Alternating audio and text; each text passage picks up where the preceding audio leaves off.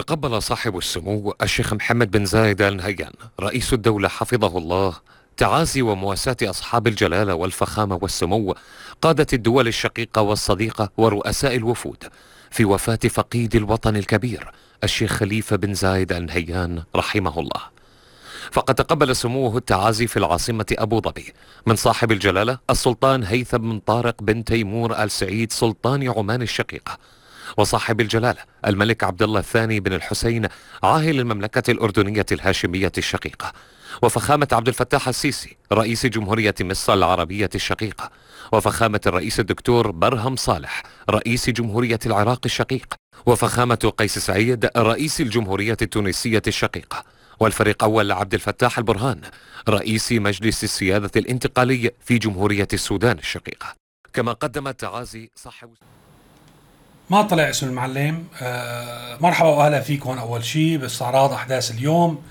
الاثنين آه 16 أيار عام 2022 الحقيقة مرة ثانية نحن في آه يعني بهالمرحلة السوريين ما عندنا غير نتعلم ونفهم السياسي أكثر آه نحاول نعطي كل يعني حدث حجمه بعيدا عن التصريحات والمبالغة والتهويل.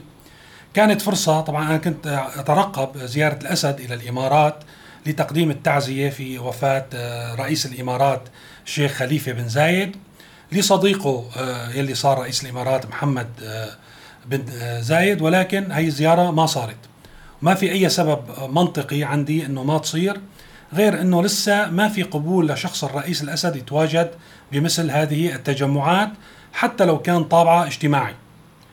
كان فرصة وخاصة في الأشهر الأخيرة يلي صار في تقارب ودفء بالعلاقات الإماراتية السورية توجت بزيارة الأسد إلى الإمارات وقت حكينا وقتها عن البروتوكول أنه ما بصير هيك تستقبلوا آه، يعني رئيس دولة شيء باستراحة محمد بن راشد وبعدين بكراس سيارات محمد بن زايد قالوا لنا إيه ما في تكلفة بين الاثنين يعني خوش بوش وهن أصدقاء.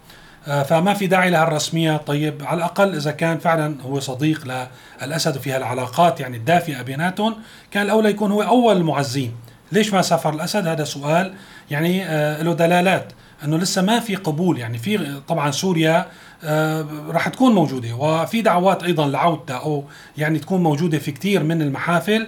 ولكن الإشكالية هي بالنظام وبشخص الرئيس الأسد بالتحديد هو اللي لسه في خلاف عليه وجدل عليه. وطبعا أنا بقول أنه هذا الموضوع ما راح ينحل آه، مرة ثانية تصعيد بعد الحرب الروسية على أوكرانيا تجاه بوتين والأسد بيخلي هذا الموضوع صعب كتير.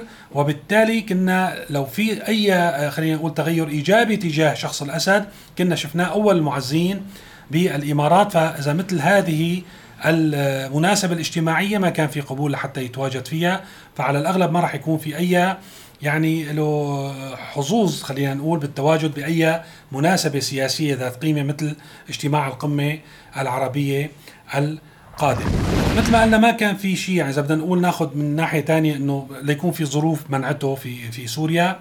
الحقيقة في سوريا أنا حاسس إنه صار هني يعني في اتجاه لخلق مناسبات لظهور الأسد. يعني على ما يبدو عنده وقت فاضي آه، آه، هذا الوقت عم يتم ترتيب مناسبات لحتى فقط يظهر ويقضي وقت. يعني مؤتمرات تحت مسميات مختلفة. أي مؤتمر على أي مستوى آه، شفنا صار عم يظهر على عكس يعني بالأشهر الأولى من بعد إعادة انتخابه. الحقيقة ما في رابط بين الاثنين بس أنا لاحظت أنه بعد ما انشغلت روسيا بحرب في أوكرانيا تفرفد هو وصار يطلع أكثر صار يطلع أكثر من اللزوم حتى وفي مناسبات ما المفروض فيها إنه يكون رئيس دولة يعني آه، حاضر. وبالتالي عنده كل هذا الوقت ما فيها شيء المهم الحقيقة الممكن يمنعه. نرجع مرة ثانية ليش هو ما آه، سافر للإمارات. هذا دلالة إضافية إنه في شيء من الخارج في شيء إنه ما تم الموافقة على خروجه خارج سوريا وتواجده بمثل هذه التجمعات. هلا بالنسبة لظهوره داخل آه، سوريا أيضا ما زال المشهد في نوع يعني من الشيزوفرينيا من انفصام آه، الحياة بين الصورة اللي بيظهر فيها الأسد والسيدة الأولى وبين الواقع. دائما عم نشوف آه، مناسبات. آه، شفنا بعيد الشهداء اضواء الليزر والفرقة السيمفونية. بتحس حالك بسويسرا يعني. وأيضا المسارح الحقيقة ماني حافظ أسماء المناسبات تحديدا ولكن عم شوفه بمسارح وناس قاعدين وهفافين ونقاشات وكلام يعني مع الرئيس بشكل مباشر. الحقيقة شيء جميل جدا. ولكن على الواقع الأمور لساتها صعبة. صحيح صرنا زمان ما حكينا فيها ولكن هي من سيء لأسوأ. اليوم عم نواجه مشكلة المشتقات النفطية والكهرباء ما زال وضع صعب ويزداد صعوبة على المواطن السوري. شفنا من كام يوم في إعلان عن إعادة توقيع اتفاقية الخط الائتماني يعني إنه النظام ياخذ مشتقات نفطية وسلع ومنتجات من إيران بالدين. مرة ثانية ما راح يحسن يستخدم النظام هذه المشتقات ويبيعها للمواطن بالسعر المدعوم. مفلس ما عنده هي الإمكانية حتى لو بده. هو بالعكس أي شيء بيجي دين أو هبة بده يبيعه ويربح عليها للمواطن. على الأقل يبيعها بالتكلفة على الأقل يوفر خسارات. وبالتالي ما راح نشوف أي انفراجة في الأيام القادمة نتيجة الاتفاق السوري الإيراني. يعني هذا آه، أكيد لا بل على العكس. أنا بشوف أنه راح يكون في فرض يعني أو في ارتفاع بأسعار المشتقات النفطيه وبالكهرباء لحتى يحسنوا يصرفوا هالبضائع ويعني يعوضوا بعض الخسائر أو حتى يربحوا فيها. هلا هذا الموضوع شو عم بيعمل؟ عم بينعكس على كثير من القطاعات. عم تخرج كثير من القطاعات خارج يعني دائرة الاقتصاد والإنتاج خلينا نقول بسوريا. شفنا هذا الموضوع بكثير من الأمور مثل مثلا الدواجن مثل اللحوم الخراف والى آخره. شفنا إنه في صار ما في إمكانية لحتى يقوم المربي بتربية الخراف أو الدواجن. اليوم عم يوصل هذا لقطاعات الزراعة وهذا خطير كثير ودائما بنرجع بنحكي بالمعادلة الاقتصادية المستحيلة. يعني لا يمكن إنه نحلها. يعني المزارع وقت عم يشيل هالمحصول يروح يبيعه بسوق الهال عم يعطوه سعر بخس للغاية. يعني اليوم كان في مثال عن البصل والثوم. المزارع تكلفة كيلو البصل أو الثوم ألف ليرة بأرضه ما عم ياخذوه منه غير 250 و300 ليرة بسوق الهال. هو معه حق وسوق الهال معهم حق. لأن سوق الهال إذا بده يشتروه أكثر بده يدفعوا عليه نقل وتوزيع وتسويق للمحافظات لمراكز التسويق ومنها يروح أيضا وينتقل للأسواق. المواصلات والمشتقات النفطية غالية رح يوصل بأكثر من ألف ليرة للمواطن. المواطن ما عنده القدرة الشرائية لحتى يشتري بهذا السعر. وصلنا لاستعصاء لكساد عظيم لا يمكن يكون في حل غير برفع القوة الشرائية للمواطن. هذا الحل الوحيد والدولة والحكومة مفلسة ما عندها القدرة لترفع الرواتب والأجور. كيف بدنا نحلها؟ ما بنعرف كيف بدها تنحل وإذا بدنا نضل هيك رح نشوف معظم القطاعات رح تصير خارج الاقتصاد السوري يوم بعد يوم.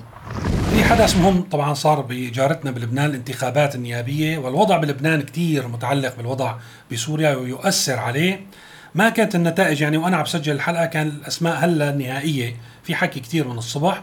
ولكن الملاحظ اللي فينا نحكي فيه ممكن نحكي بالتفاصيل بنشرة بكرة. ولكن الملاحظ بالتفاصيل أول شيء إنه كثير من شبيحة النظام خسروا بلبنان وطلعوا خارج اللعبة. أيضا إنه في صار القوات اللبنانية سمير جعجع يلي ما بيعرف طبعا التمثيل المسيحي له عدة أقطاب أهم قطبين هن القوات اللبنانية والتيار الوطني الحر يلي هو تابع لجبران باسيل ورئيس الجمهورية ميشيل عون. ميشيل عون متحالف مع حزب الله فيما سمير جعجع والقوات اللبنانية وأحزاب أخرى ومستقلين في مواجهة حزب الله. اليوم صارت الأكثرية المسيحية ممثلة من خلال القوات اللبنانية وهذا انقلاب بالموازين وله دلالات الحقيقة ولكن مو بالضرورة يكون هذا خبر صار لأن هذا الموضوع رح يزيد الاستقطاب رح يصير المعركة شرسة أكثر في عنا استحقاقات من انتخاب رئيس البرلمان للحكومة تشكيل رئيس الحكومة تسمية رئيس الحكومة وتشكيلة لرئيس الجمهورية خلال الأشهر من هون لتشرين الأول أو تشرين الثاني. رح يكون الموضوع جدا صعب رح نشوف بوقت مبكر ربما إنه في كتلة وازنة في البرلمان ما رح ترشح نبيه بري. يمكن ما تحسن تمنع إنه يوصل هو لرئاسه البرلمان ولكن أيضا لها دلالات. رح تتعقد الأمور أكثر وأكثر بتشكيل الحكومة وباختيار الرئيس أو انتخاب الرئيس. الأهم من هيك إنه مثل ما حكينا بنرجع مرة ثانية إيران وحلفائها في العراق في سوريا في لبنان. إذا بنيجي بنقول لهم تعالوا استلموا الحكم وشكلوا الحكومة واستلموا مسؤولية البلد بيقول لك ما بدنا لأن بيصيروا أمام مسؤولية بيصير اللوم عليهم. هن فقط بيسعوا لحتى يكونوا قوة تعطيل دولة داخل الدولة عصابة داخل الدولة. وبالتالي هذا الدور اللي راح يمارسوه بلبنان مع زيادة الاستقطاب مثل ما شفنا مع اليوم آه، خلينا نقول صار التمثيل أكبر مع القوى اللي هي تناصب حزب الله العداء بشكل علني. وفي خلينا نقول خلاف حاد بين الطرفين ممكن المشاكل والاضطرابات تتصاعد بناء على هذه النتيجة. لذلك أنا قلت صحيح إنه خصوم حزب الله صار لهم تمثيل أكبر ولكن ليس بالضرورة أن ينعكس هذا بالإيجاب على لبنان لأنه ما في دولة الحقيقة لأن الدولة ضعيفة والأقوى هو حزب الله وما يمثله في لبنان وقت الحزة واللزه وقت الأمور بتمشي بعكس مصالحه بيضرب إجره بالأرض وبيعطل كل شيء. وبمناسبة الانتخابات خلينا نوسع الزاوية شوي يعني مثل ما قلنا نحن عم نتعلم وهذا كثير مهم والأمور الحقيقة صار مرتبطة ببعضها ونحن لازم نتعلم أكثر يصير عندنا خبرة أكثر لحتى نحسن يعني نفيد حالتنا السورية. اليوم قريت خبر بالصومال صار في انتخابات أيضا انتخابات رئاسية. آه، الصومال طبعا يلي كنا نتندر بسوء الوضع فيها صارت أفضل منا بكثير من المجالات ولكن ما زال الوضع الأمني فيها مضطرب لدرجة إنه كان في انتخابات رئاسية. لا يمكن إلى حد اليوم إنه الصوماليين يشاركوا بالانتخابات كمواطنين بشكل مباشر. يلي عم يصير إنه البرلمان أعضاء البرلمان نفسهم هن اللي بينتخبوا عن الشعب. ولكن تفاجأت إنه بالصومال يعني اللي هي مثل ما قلنا صاير أحسن مننا حتى في الديمقراطية حتى نحن هالنوع من الديمقراطية ما متوفر. طبعا اخذوهم للنواب لمنطقة آمنة لأن هذا الموضوع بشكل خطر على حياتهم. وليش عم بقول هنيك الأمور؟ لأن هنيك في معارضة في يعني بتشوفوا إنه مثلا عدد النواب 328 نائب 214 فقط انتخبوا الرئيس اللي هو حسن شيخ محمود و110 ما انتخبوا للرئيس كانوا ضده. وبالتالي في أكثر من 30% وما فاز الرئيس عنده بنسبة 96% مثل عنا يلي من 70 لهلأ ما كنا يعني نحسن نغير هذه النسبة. في إجماع دائما على الأسد وعائلة الأسد ومرشحيه الأسد آه، بصورة إجماع تام طبعا لأن 4% دول بيكونوا أخطاء بيكون يعني شيء آه، بدون حسابات. ما في سوري مثل ما حكينا بالانتخابات الماضية حتى المعارضين وأسر المغيبين بالإحصاءات وقت أثبتناها انتخبوا بشار الأسد. بينما بنشوف بالصومال رغم الأوضاع الأمنية المتردية رغم أنه في كثير من المؤشرات السلبية يعني بالمقارنة مع باقي الدول ولكن بمؤشر الديمقراطية مع الأسف هن لساتهم أحسن آه، مننا. طبعا نحن بنتمنى كل الخير للشعب الصومالي كنا بنتمنى إنه نحن نخطو خطوات الإمام وهن يلحقونا أو يصير في منافسة حتى لو سبقونا ونحن ماشيين لقدام ما في زعل ابدا بالعكس بنتعاون لحتى كل شعوب المنطقة تكون على نفس السوية من الحرية والرفاه لأن هذا بيساعد الجميع في هذه المنطقة على غرار كثير من التجمعات الاقتصادية والسياسية في دول العالم. إذا بدنا نبعد شوي صحيح بقعة جغرافية بعيدة ولكن بتعلق فينا بشكل مباشر. روسيا والحرب الأوكرانية الغزو الروسي لأوكرانيا والمصيدة والمستنقع يلي طبس فيه يعني آه، الروس وبوتين بالتحديد. في كان أخبار بصحف يعني وازنة عن بوتين بأنه هو مصاب بسرطان الدم بأنه قراراته صارت يعني غير غير صائبة أو مانا صحيحة. وهذا الموضوع اللي دائما بنحكي فيه. لما في ديكتاتور بيحكم بلد بيصير مصير البلد متعلق بالديكتاتور. آه، بالدول الحقيقية وقت يعني الدكتاتور بيصيبه أي مكروه صحي عارض صحي عقلي إلى آخره بيتم يعني تحييده والمؤسسات ترجع تنتخب وبتوصل رئيس صحيح إلى آه، يعني إلى الحكم لحتى يشوف مصالح هذا البلد ومصالح المواطنين. أما في حالة الدكتاتور مهما كان هذا الدكتاتور عبقري لنفترض أنه بوتين كان شخص استثنائي وعبقري وصار معه عرض معين خربط الزلمة. بنشوف بحالة الدكتاتور إنه بينتهي الدكتاتور بينتهي معه البلد. لا بل البلد بينتهي قبل الدكتاتور مثل ما صار عنا بسوريا. طبعا مثل ما حكينا إنه كل مبررات الغزو الروسي لأوكرانيا إنه هدول بده يدخلوا ليصيروا أعضاء بالناتو آه ما بعرف كم كيلومتر ما بده دولة إضافية تصير على حدود روسيا منضمة إلى الناتو. اليوم شفنا أنه فنلندا يلي حدودها 1300 كيلومتر مع روسيا طلبت طلب انضمام للناتو. صار في توتر صار في قطع إمدادات الكهرباء والغاز.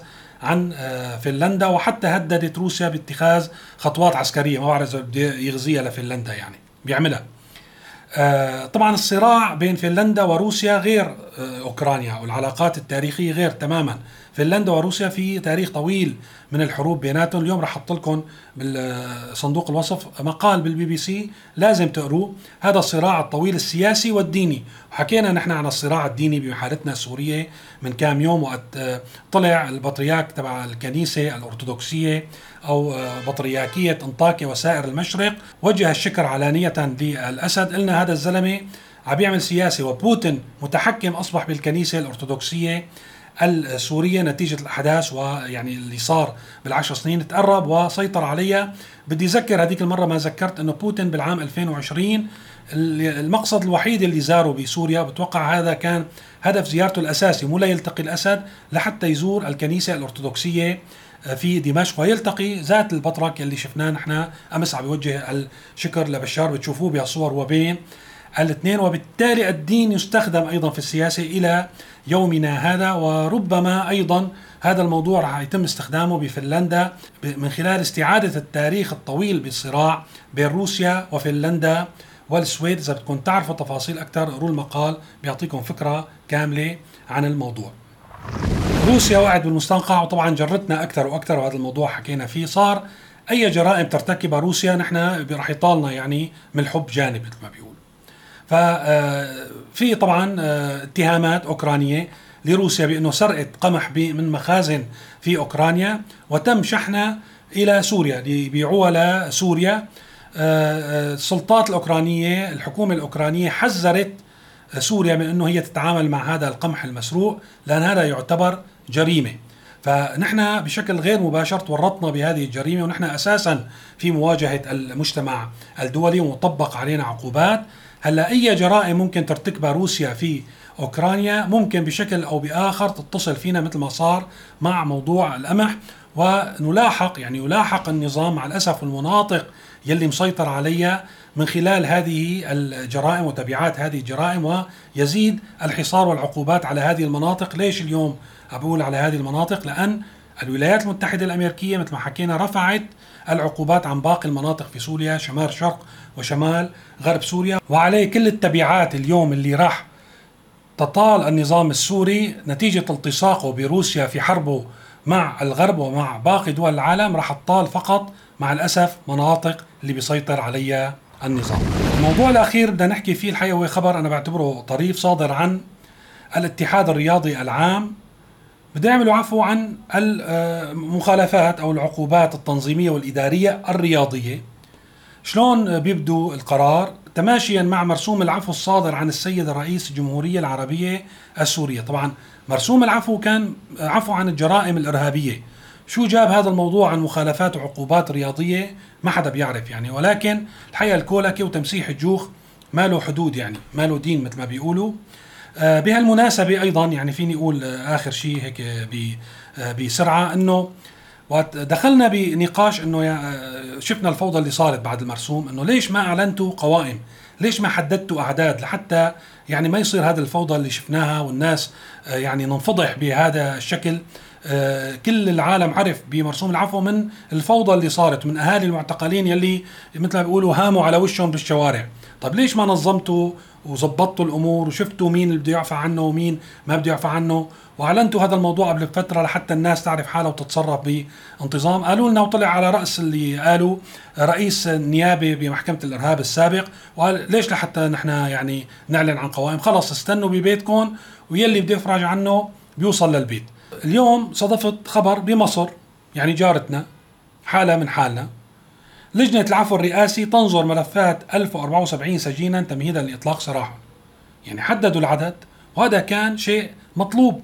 إنه صحيح نحن في ملفات بده يتم دراستها ونشوف مين بده يتم إطلاق سراحه ما فينا نحن نقول مسبقا مين بده يتم إطلاق سراحه ولكن كان فينا نحدد عدد الملفات مثل ما سوت مصر. كنا خلصنا من هذه الفوضى اللي سودت وشنا بكل أنحاء العالم أكثر ما هو أسود. هذا كل شيء لليوم. آسف أني طولت عليكم شوي. شكرا لمتابعتكم وإلى اللقاء. ومعالي الدكتور مصطفى الكاظمي رئيس وزراء جمهورية العراق الشقيق. ومعالي نجيب ميقاتي رئيس مجلس الوزراء في الجمهورية اللبنانية الشقيقة. ومعالي أيمن بن عبد الرحمن رئيس الوزراء الوزير الأول في الجمهورية الجزائرية الديمقراطية الشعبية الشقيقة. ومعالي مسرور برزاني رئيس وزراء إقليم كردستان العراقي الشقيق. ومعالي محمد الحلبوسي رئيس مجلس النواب في جمهورية العراق. وقربان